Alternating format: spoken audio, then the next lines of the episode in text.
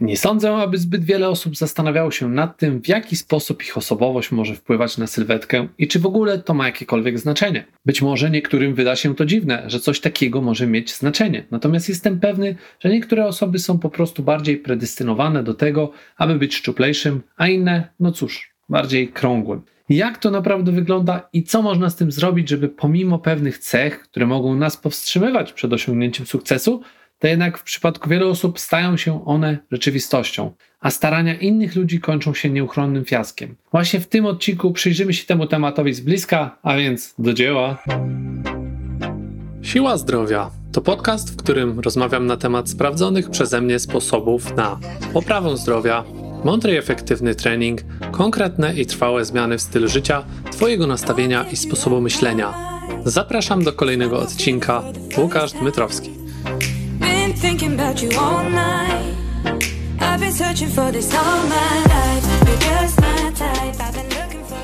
Dzień dobry, z tej strony jak zwykle Łukasz Dmytrowski, trener, przedsiębiorca i autor.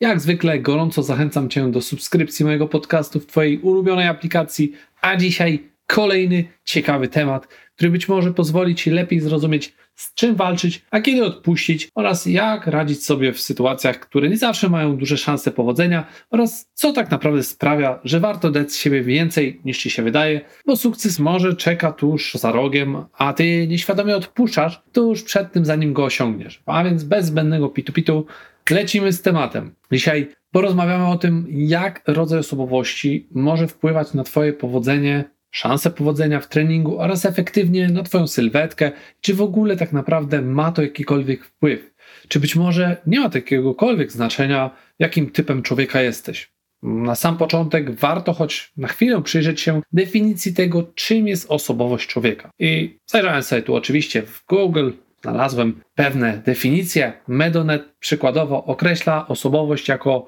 stały zestaw różnych cech psychicznych i rozmaitych czynników wewnętrznych, które wpływają na postępowanie człowieka, bla, bla, bla, i tak dalej. Jest tam trochę tego, nie chciałem się zagłębiać zbyt mocno w te rejony, bo nie o to tutaj chodzi, ale żebyśmy mieli pewne pojęcie, o czym rozmawiamy. Oczywiście oprócz tego można byłoby rozgraniczyć osobowość od charakteru, no bo technicznie, gdy przeglądałem się tym słownikowym definicjom tych pojęć, to nie do końca jest to jedno i to samo. Ale na potrzeby dzisiejszego podcastu uprościmy sobie jednak to zadanie, ponieważ mógłby nam tutaj wyjść odcinek długości co najmniej godziny, a jestem zdania, że póki co warto trzymać się tego formatu, który wybrałem, czyli około 15-20 minut. Tak więc, jeżeli okaże się, że temat Cię zainteresował, to daj mi znać. Być może rozwinę go w kolejnych częściach tego odcinka. Wyślij wiadomość prywatną na Instagramie.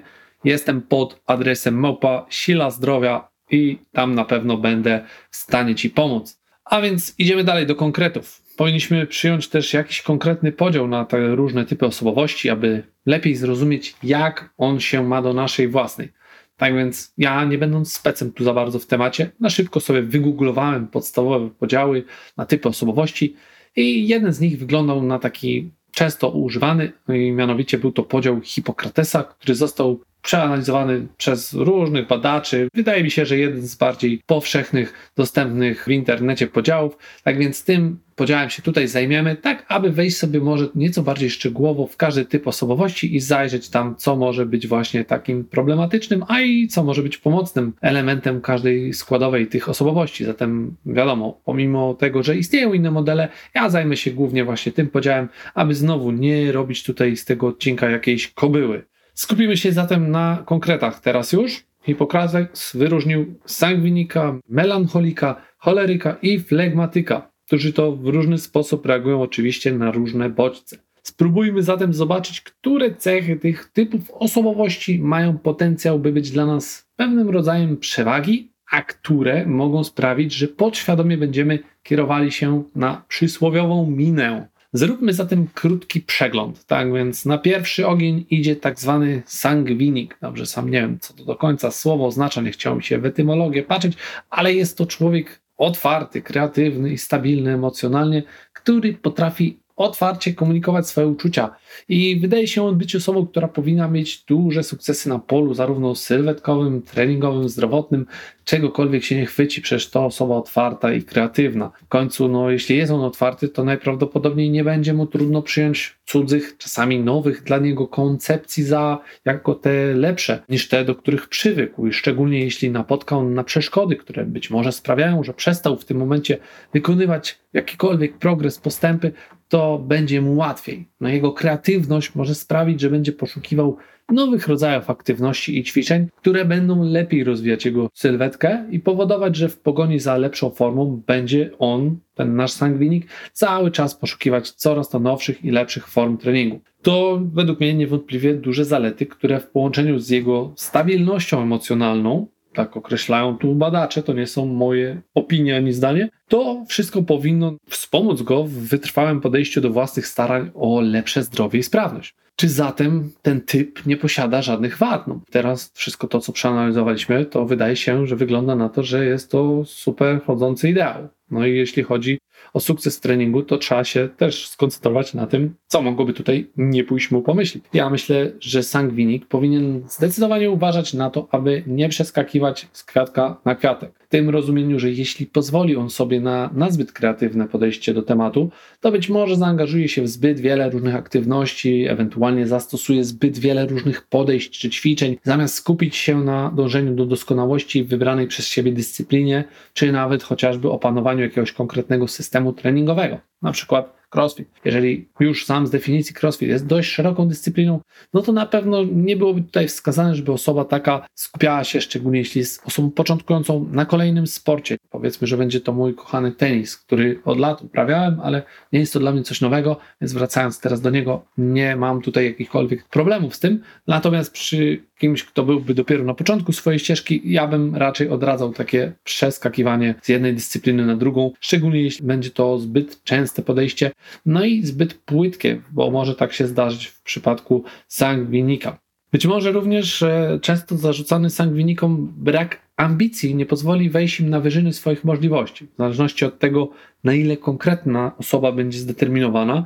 Ja uważam bowiem, że sztywny taki podział na rodzaje osobowości to nie do końca się sprawdza w praktyce. Tutaj mowa o sangwiniku, jakichś tam iluś cechach, które sztywno są przypisane. Według mnie ciężko jest wyobrazić sobie istnienie tylko takich czterech typów osobowości, bez chociażby jakiegoś delikatnego zróżnicowania w obrębie każdego z tych typów. No i teraz nie będziemy szli zbyt głęboko w szczegóły, ale osobom, które zauważą u siebie cechy sangwinika, należałoby może pomóc ze zbyt wysokim mniemaniem o sobie, które również może sprawić, że przedwcześnie przerwie taka osoba swoje starania o lepsze zdrowie, bo będzie uważała, że już jest na jakimś wyższym poziomie niż realnie jest do osiągnięcia. Tak więc trzeba tutaj naprawdę e, skupiać się i analizować te swoje możliwości, cechy, wady i zalety, albo też taki sangwinik może zaniżyć swoje oczekiwania względem siebie, uzasadniając to przykładowo brakiem potrzeby walki, więcej byciem już na takim poziomie, gdzie ta stabilność emocjonalna, o której wcześniej wspomniałem,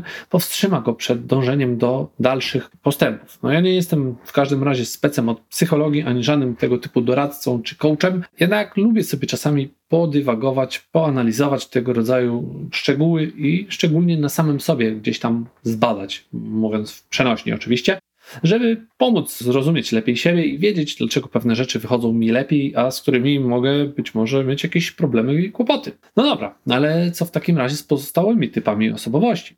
Kolejnym typem na liście Hipokratesa jest melancholik, który potrafi być perfekcjonistą. Moim zdaniem no, jest to na pewno duża wada, bo ciągłe poprawianie najdrobniejszych nawet szczególików, które wielokrotnie nie mają kluczowego znaczenia, to powoduje, że koncentruje się na rzeczach tylko pozornie mających znaczenie. Często widać to wśród osób, które mają też taki, można lekko powiedzieć, syndrom narcyzmu i zamiast skupiać się na treningu samym sobie, dbają o to, żeby w czasie tego treningu wyglądać perfekcyjnie, bo to jest dla nich zdecydowanie ważniejsze niż to, co robią tak naprawdę. Jeśli przykładowo ich strój nie pasuje do danego sportu, no to wolą go w ogóle nie uprawiać, czy nawet zaczekać, aż okoliczności będą idealne, no ale przecież doskonale wiemy, że tak naprawdę nigdy te okoliczności nie będą idealne. No taki melancholik prawdopodobnie będzie na ten moment czekał i się nigdy nie doczeka. Zawsze jest coś do poprawy czy modyfikacji, a takie perfekcjonistyczne podejście no nie pomoże w osiągnięciu sukcesu, ponieważ powoduje to tylko, że szukamy lepszych rozwiązań, a w tym czasie nie wykonujemy praktycznie żadnego działania co sprawia, że nadal jesteśmy w tym samym miejscu. Mi zdarzają się takie sytuacje, coraz bardziej jestem tego świadomy i staram się przepychać te momenty, w których mój melancholik wewnętrzny dąży do tego, żeby jeszcze poprawić tutaj, podrasować, dopracować, zrobić lepiej i tak dalej. Lepiej jest czasami zrobić trening, który nie będzie idealny, niż nie zrobić żadnego, ale w głowie mieć taki obraz, że ale gdybym poszedł, to na pewno tu bym zrobił to i podniósł tamto i w ogóle tam bym przebiegł. Również mi się to zdarza, ale walczę z tym. Tak więc nie jestem na pewno typowym melancholikiem, chociaż pewnie gdzieś tam te nasze osobowości pływają, jak to można powiedzieć. No i melancholik przy tym wszystkim jest też nad wyraz bardzo szczegółowy i dokładny, co może oczywiście pomóc, jeśli już ruszy do tej akcji i zacznie działać, Natomiast może to również w połączeniu z jego perfekcjonizmem być powodem dłuższych przestojów, ponieważ będzie on dalej planować swoje idealne boje, ale tylko we własnej głowie. Z drugiej strony, melancholik jest też ponoć nieufny i podejrzliwy, co może spowodować, że niechętnie podejdzie do nowych rozwiązań i będzie skupiać się na sprawdzonych metodach, które mogą okazać się nieefektywne po jakimś czasie. Może też być tak, że będzie tu problem na drodze na linii komunikacji z trenerem, który będzie proponował nowe rozwiązania, których melancholik nieszczególnie będzie chciał z nich skorzystać. No ja z własnego doświadczenia i również z doświadczenia moich kolegów z branży, a także szkoleniowców, od których się uczę, wiem tak naprawdę, że tylko zróżnicowany i regularnie dopasowywany do aktualnych potrzeb, możliwości organizmu, taki tylko trening będzie tak naprawdę dobrym rozwiązaniem, które zapewni nam długofalowy progres. A niestety melancholik może nie być otwarty na tego rodzaju podejście, co spowoduje, że jego sylwetka, również zdrowie, sprawność zostaną takie same i brak dalszych działań dodatkowo utrudni jego starania. Kolejnym typem, już trzecim osobowości jest choleryk, który cechuje się głębokim przeżywaniem uczuć i silnymi reakcjami na różnego rodzaju bodźce. To mogą być w moim odczuciu dobre cechy, oczywiście, jeśli chodzi o start, czyli rozpoczęcie przygody z treningiem, ponieważ taka głęboka fascynacja dążeniem do zdrowia i zaangażowaniem się w początkowe etapy każdego tego rodzaju procesu są, można tutaj powiedzieć, zdecydowanie dobre. Jednak jeśli nie przerodzą się one w długoterminową pasję, no to być może choleryk, zanim cokolwiek osiągnie, zdąży zafascynować się już czymś innym i tak naprawdę, no to nie byłaby to pożądana przez nikogo chyba ścieżka. Z kolei taka agresywna natura choleryka może mu pomóc w sytuacjach, gdy zacznie mu brakować energii do działania, gdyż na pewno bywa on osobą efektywną i dążącą zdecydowanie do celu. Ta ostatnia cecha z pewnością pozwala cholerykom skuteczniej brnąć wraz założone sobie cele, a bez tego wiele osób może właśnie polec na swojej ścieżce, natomiast choleryk tutaj z pewnością odnajdzie pokłady energii, które pozwolą iść wyznaczoną przez siebie ścieżką. Ponoć również właśnie wyzwania dobrze działają na choleryka, mówi się jak płachta na byka, dlatego dla zachowania skuteczności warto by było, aby taki choleryk zawsze miał jakiś konkretny cel do osiągnięcia. Do tego namawiam bardzo wielu z moich klubowiczów, nie każdy te wyzwania, cele, konkrety lubi, być może właśnie nie są to cholerycy i należałoby tutaj się przyjrzeć ich osobowości, żeby dokładniej dopasować podejście jego styl do osobowości takich osób Zdecydowanie cholerykowi może to pomóc takie podejście, gdzie będziemy mu nakładać ambitne cele, jednak nie zawsze takie nastawienie na cel i konkrety bywa zdrowe. Może ono prowadzić do frustracji właśnie wtedy, gdy choleryk nie będzie w stanie osiągnąć tych zbyt ambitnych celów dla siebie. Może będą one przesadzone, być może nie będą one ustalone przez niego. Różnie to bywa, z tym, że trzeba być tego świadomym. A z drugiej strony jeszcze dodatkowo choleryk nie cierpi krytyki, co może również negatywnie wpłynąć na jego sukcesy w dziedzinie treningu, zdrowia itd. Tak gdy ktoś będzie nie tylko lepszy, ale być może lepszy od niego, silniejszy i w nie do końca grzeczny sposób wytknie mu jego wady czy niedoskonałości, a taka osoba wówczas szybko może zrezygnować z dalszych działań, ponieważ przyjmie tę krytykę jako coś, co być może określi jego sytuację, tego choleryka, jako już beznadziejną, czyli bez rokowań na poprawę. Ok, myślę, że warto przejść teraz już do ostatniego typu osobowości, jakim jest flegmatyk i jest to osoba na pewno zrównoważona, na pewno działająca stosunkowo powoli, nie reagująca przesadnie na to, co się w jej życiu dzieje. I zwykle taki flegmatyk to osoba również dość cicha, przez co jest możliwe, że właśnie tutaj będzie bardzo skrupulatna, dokładna niż pozostałe typy. Ale nie jest to gwarancją. Na pewno takie podejście dokładne w treningu ono zawsze popłaca. Konsekwencja i rutyna taka, że jesteśmy nastawieni na regularność, to pomoże, bo będziemy skupieni na tych ważnych elementach, które być może inni pominą, być może gdzieś takie właśnie szczegóły, nie do końca tak jak to było w przypadku sangwinika, perfekcjonistyczne podejście, ale dość metodyczne, pomoże i flegmatyk według mnie ma duży potencjał, o ile zadba o to, żeby w jego treningu nie pojawiało się zbyt wiele rutyny, powtarzalności, takiej nudy. Rytuały treningowe oczywiście są jak najbardziej ważne, natomiast brak zmienności i różnorodności, o którym już wspominałem w naszym treningu, potrafi to dopaść każdego. Nawet podejrzewam takiego flegmatyka, którym no ja nie jestem raczej, ale który po wielu latach często potem wspomina o tym, że głównym powodem do zaprzestania jego aktywności sportowej w takim przypadku było znudzenie się daną formą aktywności. Bardzo wiele osób na swojej ścieżce spotkałem, podopiecznych, którzy mieli zostać nimi, którzy wspominali o tym, że właśnie problem głównie leżał w tym, że dana aktywność była nudna. Po pewnym czasie wiadomo, że wszystko może się znudzić, dlatego bardzo ważne jest, żeby rotować te ćwiczenia, wprowadzać zróżnicowane treningi, krótsze, dłuższe, z ciężarami, z własną masą ciała i tak dalej. I tu moim zdaniem jak zwykle sprawdza się crossfit jako ta dyscyplina, która pomoże nam w tym, żeby tej rutyny było jak najmniej, żeby był progres cały czas, tak? I również fakt, że flegmatyk bardzo rzadko ujawnia to, co czuje, może sprawić, że będzie mu trudniej nawiązać jakąś głębszą relację ze swoim trenerem, co może też sprawić, że będzie wolniej dokonywać postępów. Trening flegmatyka może też zdarzyć się, że będzie zbyt lekki, będzie zbyt powolny, za mało ambitny i to spowoduje, że ten progres będzie oczywiście niewielki. Współpracowałem z takimi osobami, kojarzę je, nadal pamiętam i zawsze zastanawiały się one, dlaczego ten progres tak wolno idzie to wszystko do przodu. A z drugiej strony lepszy jest jednak powolny progres, konsekwentne działania, niż takie duże skoki, które też wiele osób, które tutaj miałem okazję prowadzić, wykonywały, a potem całkowity brak tych aktywności lub wręcz nawet zaprzestanie i no to już zależy też właśnie od typu usposobienia danej osoby. Podsumowując, jak powiedziałem na początku, nie lubię sztywnych podziałów na konkretne cechy osobowości, jednak dzięki nim każdy z nas ma szansę spojrzeć na swoje zachowania niemalże tak z lotu ptaka i samodzielnie ocenić to, czym jesteśmy dobrzy, także wskazać te aspekty naszych charakterów, które wymagają od nas pracy. Zdecydowanie warto się nad tym wszystkim zastanowić i być może nawet wejść nieco głębiej w temat na poziomie swojego własnego przypadku. Ja ze swojej strony bardzo polecam test Galupa, który sam niedawno wykonywałem który jest zdecydowanie jednym z najlepszych wariantów takiej analizy osobowości charakteru, jego cech, zarówno pod kątem tego, co dominuje w naszej osobowości, a czego jest mniej, czego brakuje.